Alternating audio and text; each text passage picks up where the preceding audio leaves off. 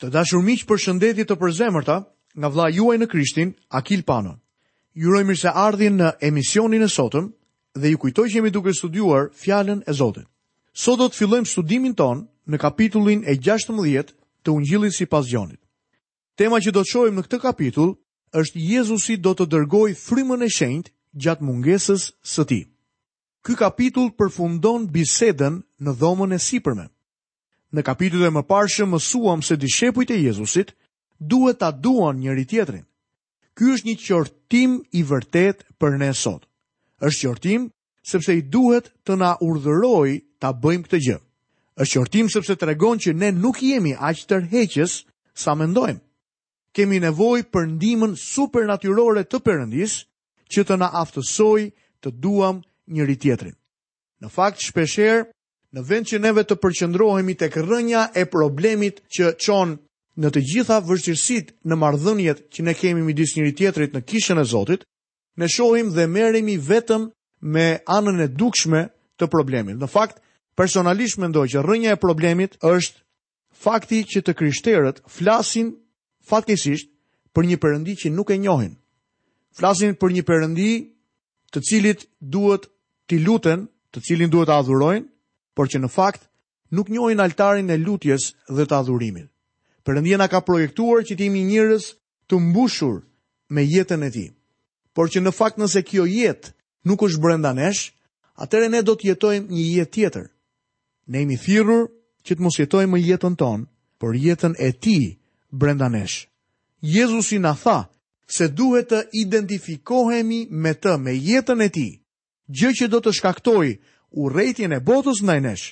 Por në fakt, Jezusi tha nëse unë, Zoti juaj, mësuesi juaj, urrehem dhe ju do të urreheni. Ai u tha dishepujve të tij se nëse nuk do të kishte ardhur, ata nuk do ta kishin njohur mëkatin.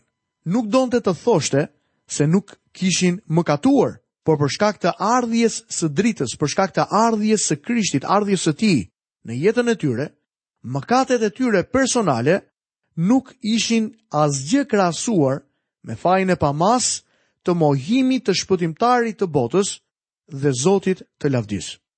Nuk ekzistojnë vetëm shkallë shpërblimi në qiell, por edhe shkallë dënimi në ferr. Personi që dëgjon për Jezu Krishtin dhe kthen shpinën, është në të njëjtën kategori me Judë Iskariotin, tradhtarin, i cili edhe pse ishte në prezencën e Krishtit, dëgjoi mësimet e tij, ishte pjesë e asaj bashkësie dishepujsh, i ktheu Jezusit shpinën.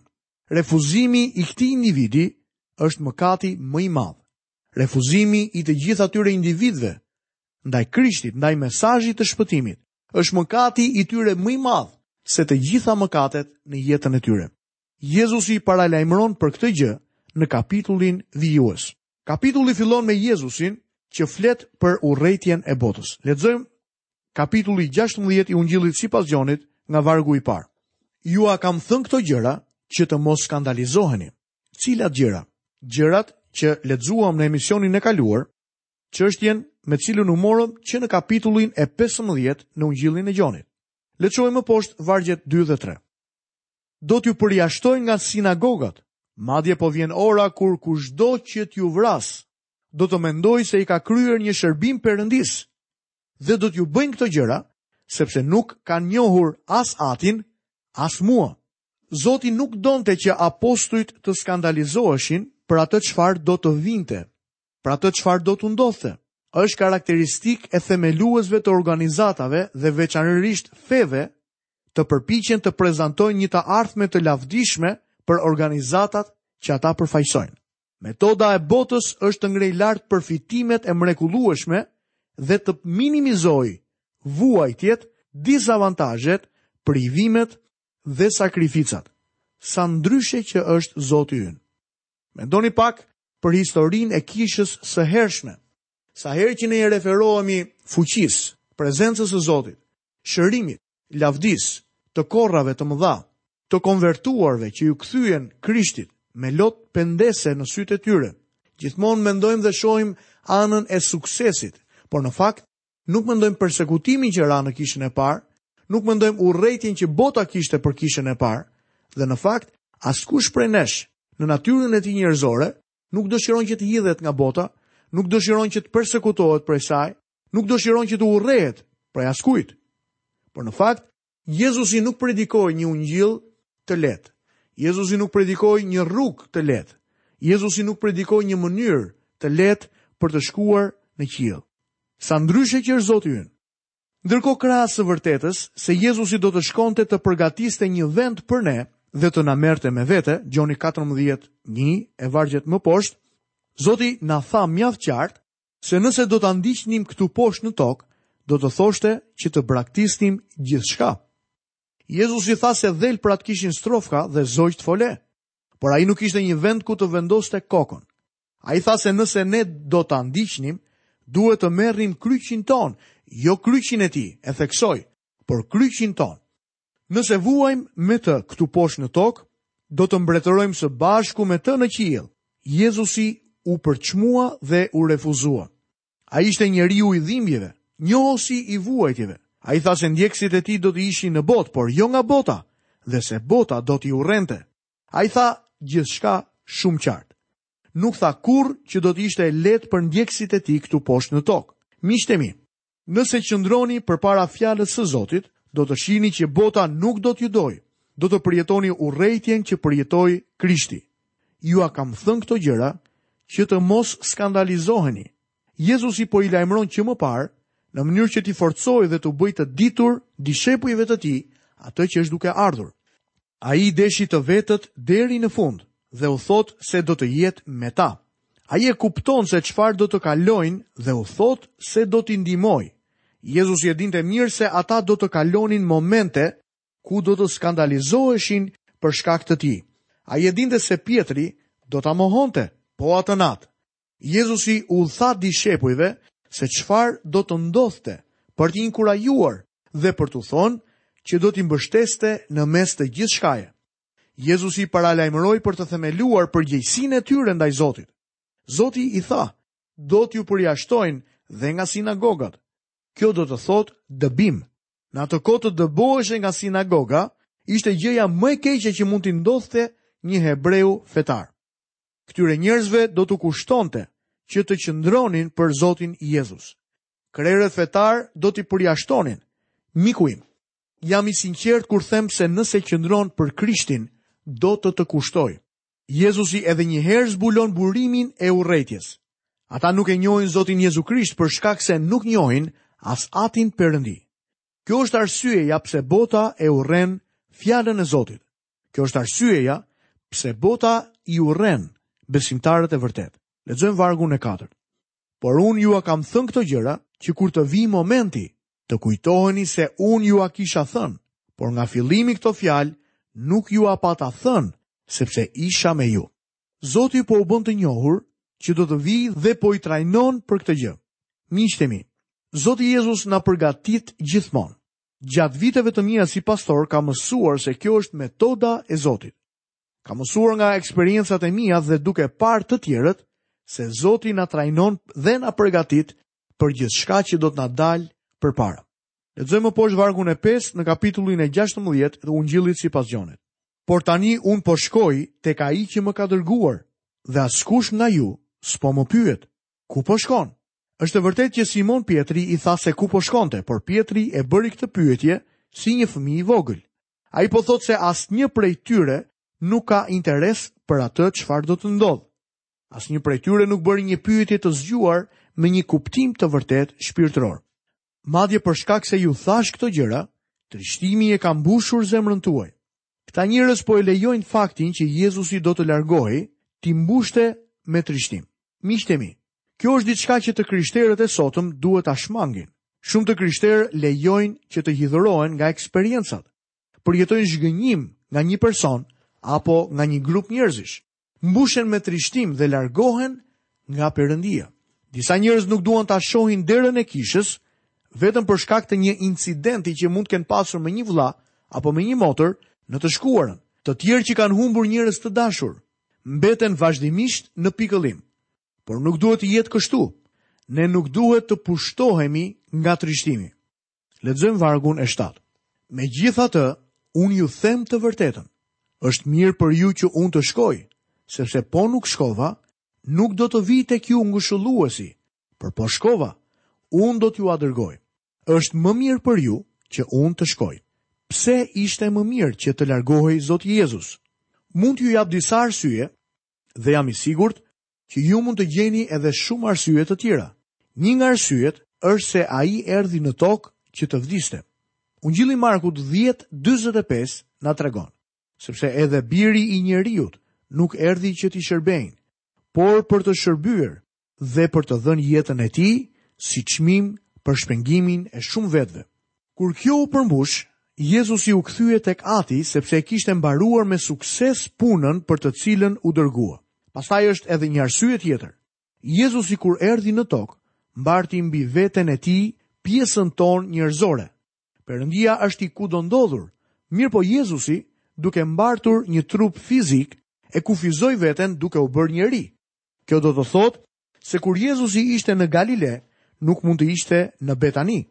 Mbani mend se Maria dhe Marta e kujtuan Jezusin për këtë gjë, kur i thanë se nëse do të kishte qenë aty, vëllai i tyre nuk do të kishte vdekur. Me fjalë të tjera, nëse Zoti Jezus do të ishte në botë sot, në trupin e tij fizik njerëzor, nuk mund të ishte në të njëjtën kohë edhe me ty dhe me mua. Prandaj u thotë se do të dërgojë tek ata Frymën e Shenjtë. Shpirti i Shenjtë do të jetë në të njëjtën kohë në të gjitha vendet. Ai është në mua edhe në ty sot në të njëjtën kohë edhe pse mund të jetojmë në kontinente të ndryshëm.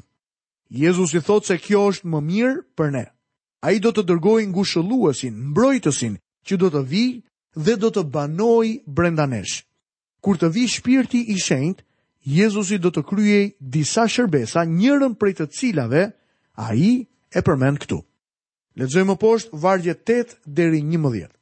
Dhe kur të ketë ardhur, ai do ta bindë botën për mëkat, për drejtësi dhe për gjykim. Për mëkat sepse nuk besojnë në mua, për drejtësi sepse unë po shkoj tek Ati dhe nuk do të më shihni më, për gjykim sepse princi i kësaj bote është gjykuar. Fjala greke e përdorur në Testamentin e Ri për fjalën që ne përdorim në shqip bind është eleko.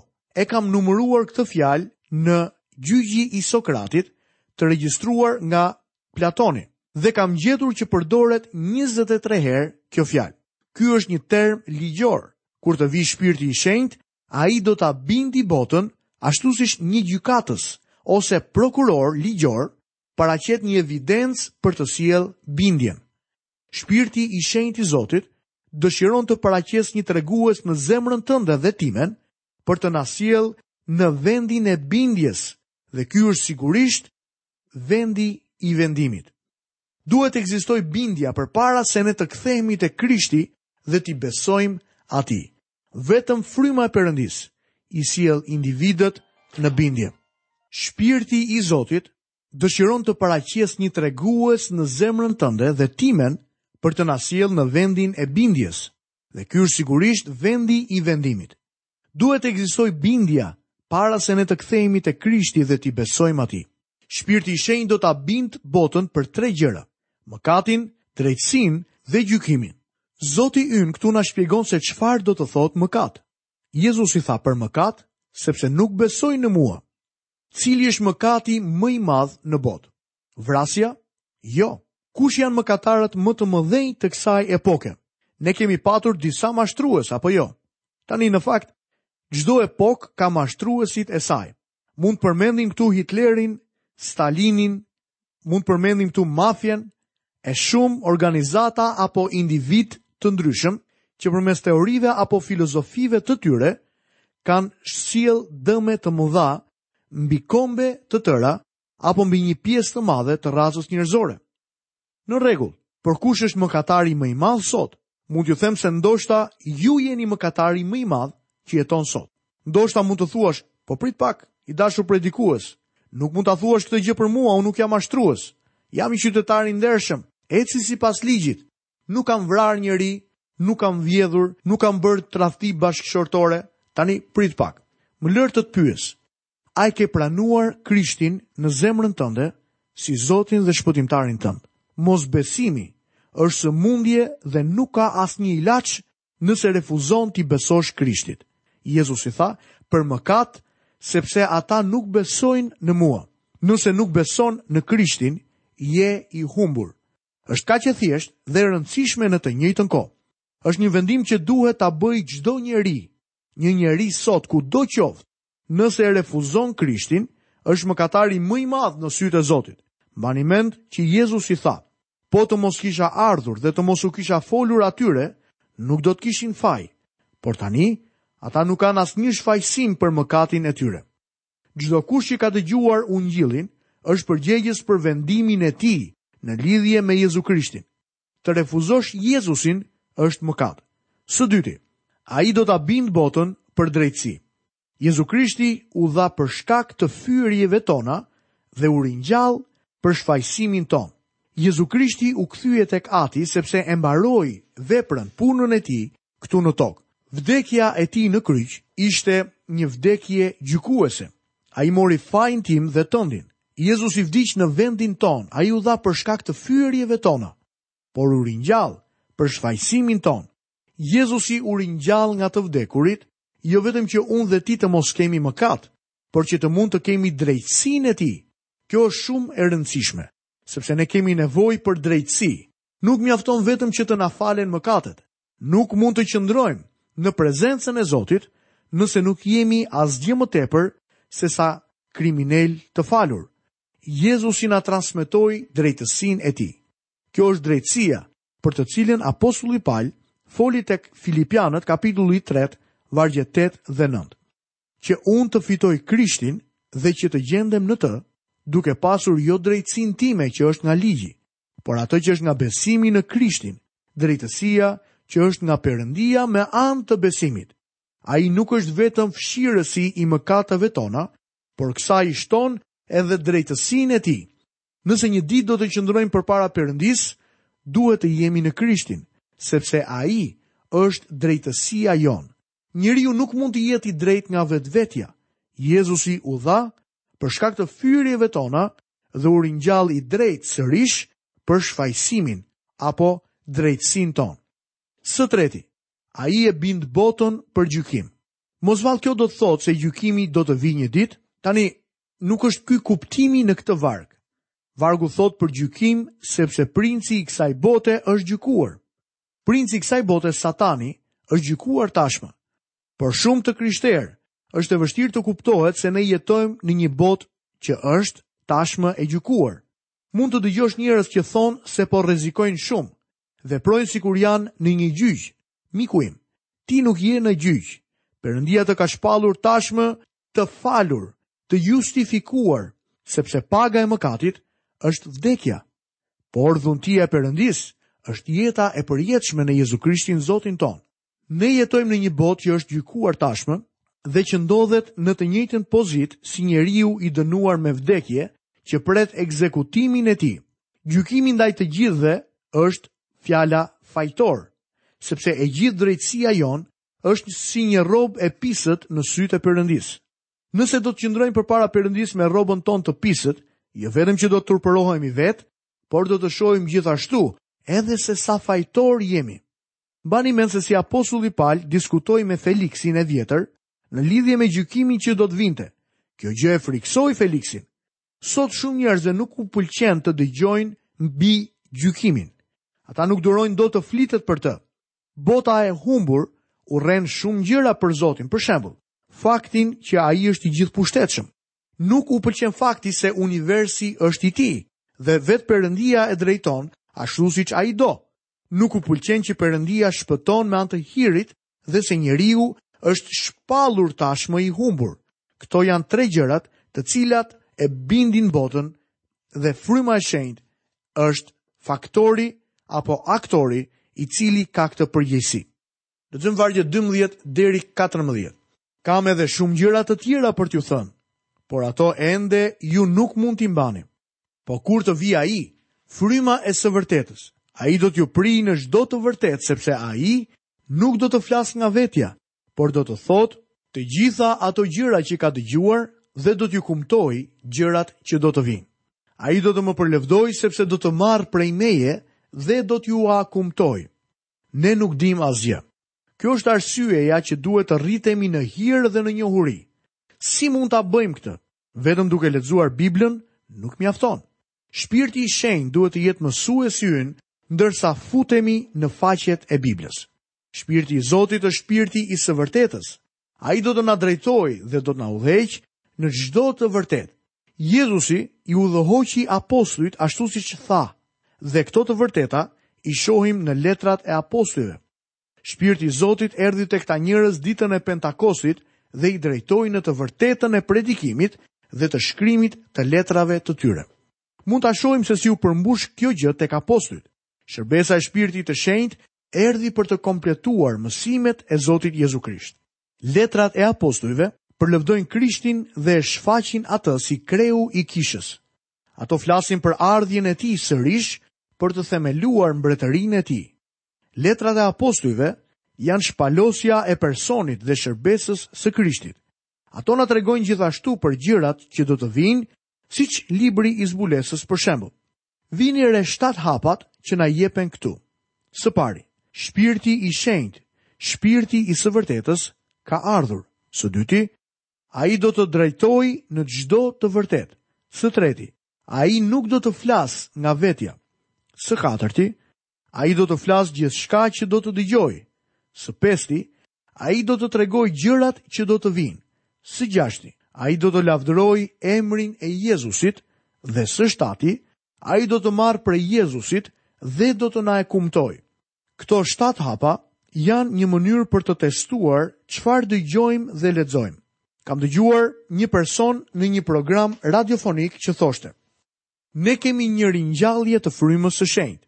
Fryma e Shenjtë po punon Fryma e Shenjtë po bën këtë dhe atë tjetrën. Në momentin që po thoshte këto gjëra, e dija që është e vërtetë që fryma e shenjtë vepron. Kur ne mblidhemi, kërkojmë Zotin që të lëvizë, kërkojmë Zotin që të na flasë, kërkojmë Zotin që të veprojë. Fryma e Perëndisë është aty për të vepruar. Miku im, Nëse në një takim sheh një pamje të Zotit Jezus dhe mrekullohesh, atëherë është padyshim puna e frymës së shenjtë. Jezusi tha, ai do të më përlëvdojë. Lexojmë vargun e 15. Të gjitha gjërat që ka ati janë të miat. Për këtë ju thashë se ai do të marrë prej simes dhe do t'jua kumtojë. Zoti Jezus po e barazon sërish veten me atin, Perëndi. Çdo gjë që ka Ati e ka edhe Jezusi. Ai do të marrë prej simes, do të thotë se ai do të marrë nga gjërat e Perëndisë dhe do të na i tregojë. Vetëm ai mund ta bëjë këtë gjë. Tek letra e parë drejtuar Korintasve, kapitulli 2, vargjet 9 dhe 10, shohim të shkruar. Ato gjëra që syri nuk i ka parë dhe veshi nuk i ka dëgjuar, dhe nuk kanë hyrë në zemër të njeriut, janë ato që Perëndia ka përgatitur për ata që e duan atë. Po Perëndia na i ka zbuluar me anë të frymës së tij. Shpirti i shenjtë është ai që kërkon gjërat e thella të Perëndisë dhe vetëm ai mund të na i tregojë këto gjëra. Lexojmë vargun e 16. Jezusi tha, Pas pak nuk do të më shihni më, e përsëri një kohë e shkurtër e do të më shihni, sepse unë po shkoj tek ati. Çfarë donte të thoshte Jezusi? Ai donte të thoshte që do të arrestohej dhe më pas, dishepujt do të shpërndaheshin. Ai do të kryqëzohej dhe varrosej. Jezusi do të largohej për pak kohë dhe ata nuk do ta shihnin më, por ditën e tretë do të kthehej dhe për pak kohë ata do ta shihnin sërish. Kjo ka një kuptim të thellë dhe të plotë për të gjithë ne sot. Lexojmë vargjet 17 deri 20. Atëherë disa nga dishepujt e tij thoshnin midis tyre, Ç'është kjo që po na thotë? Pas pak nuk do të më shihni më dhe e përsëri një kohë e shkurtër e do të më shihni dhe sepse unë po shkoj tek Ati. Thoshnin pra, ç'është kjo pas pak për të cilën flet? Ne s'dimë ç'do të thotë. Jezusi pra e kuptoi se ata donin ta pyesnin dhe u tha atyre: Ju po pyesni njëri-tjetrin pse thashë, pas pak nuk do të më shihni më dhe e përsëri një kohë e shkurtër e do të më shihni? Në të vërtetë, në të vërtetë po ju them, ju do të qani dhe do të mbani zi, dhe bota do të gëzohet. Ju do të pikëlloheni, por pikëllimi juaj do t'ju kthehet në gëzim. Ata nuk e dinin saktësisht se çfarë donte të thoshte Jezusi me këto fjalë. Koha e shkurtër që nuk do ta shihnin ishte tri ditët në varr. Pastaj do të vinte një kohë tjetër e shkurtër, sepse ai do të shkonte tek Ati, kohë që deri tani ka vajtur mbi njëzet shekuj. Shpëtimtari i botës i premtoi që nuk do t'i linte pa ngushëllues, nuk do t'i linte jetim. Ai do të ishte me ta në personin e tretë të Trinisë, Shpirtin e Shenjtë, që do të merrte gjërat e krishtit dhe do t'i bënte të vërteta për ta në zemrat e tyre. Gjatë këtyre 20 shekujve, shpirti i Zotit e ka bërë krishtin të vërtetë për shumë zemra njerëzish. Ata kanë kaluar përmes pikëllimit, mësuan se çfarë do të thoshte të urreheshin dhe të talleshin. Ai ishte me ta gjatë gjithë kësaj kohe, Ne kemi një premtim të mrekullueshëm. Pikëllimi ynë një ditë do të kthehet në gëzim. Të dashur miq, përpara se të mbyllim këtë emision, le ta falënderojmë Zotin për frymën e shenjtë, ngushëllimtarin, udhëheqësin për tek e vërteta, ai që merr gjërat e Jezusit dhe na i transmeton neve. Perëndi, ne të falënderojmë sot për faktin që jemi të shpëtuar, për faktin që përmes hirit përmes një vendimi të vetëm. Ti e asgjësove mëkatin në trupin e birit tënd, Zotit dhe shpëtimtarit tonë Jezu Krisht. Faleminderit që përmes gjakut të derdhur në kryqin e Golgotës, ti na bëre të lirë nga skllavëria e mëkateve tona. Ti na rilinde sërish. Faleminderit Zot që ti solle brenda nesh fjalën tënde, ti e shkruajte në zemrat tona. Faleminderit Zot që ti derdhe frymën tënde të shenjtë në jetën tonë. Të jemi mirënjohës për Frymën e Shenjtë. Zot falënderojmë për këtë mësues, për këtë ngushëllues, për këtë udhëheqës, drejtona tek e vërteta e plotë e Krishtit, me anë të Frymës tënde. Zot mos lejo që të mund të trishtojmë Frymën tënde të Shenjtë, por sill brenda nesh bindjen dhe dëgjesën ndaj zërit të Frymës, në mënyrë që kur Fryma jote Zot të na tërheqë të na drejtojë tek altari i lutjes, të na drejtojë tek vendi i adhurimit, të na drejtojë tek studimi i shkrimit, fjalës tënde, neve të bindemi dhe të dëgjojmë mësimin e frymës tënde. Zot falemderit për frymën e shenjtë. Jezus falemderit. Të dashur miq, këtu kemi mbërritur dhe në fundin e emisionit të sotëm. Nga vëllai juaj në Krishtin Akil Pano, Keni të gjitha bekimet dhe paqen e Perëndisë në jetën tuaj. Ecni, ecjen e mirë të besimit.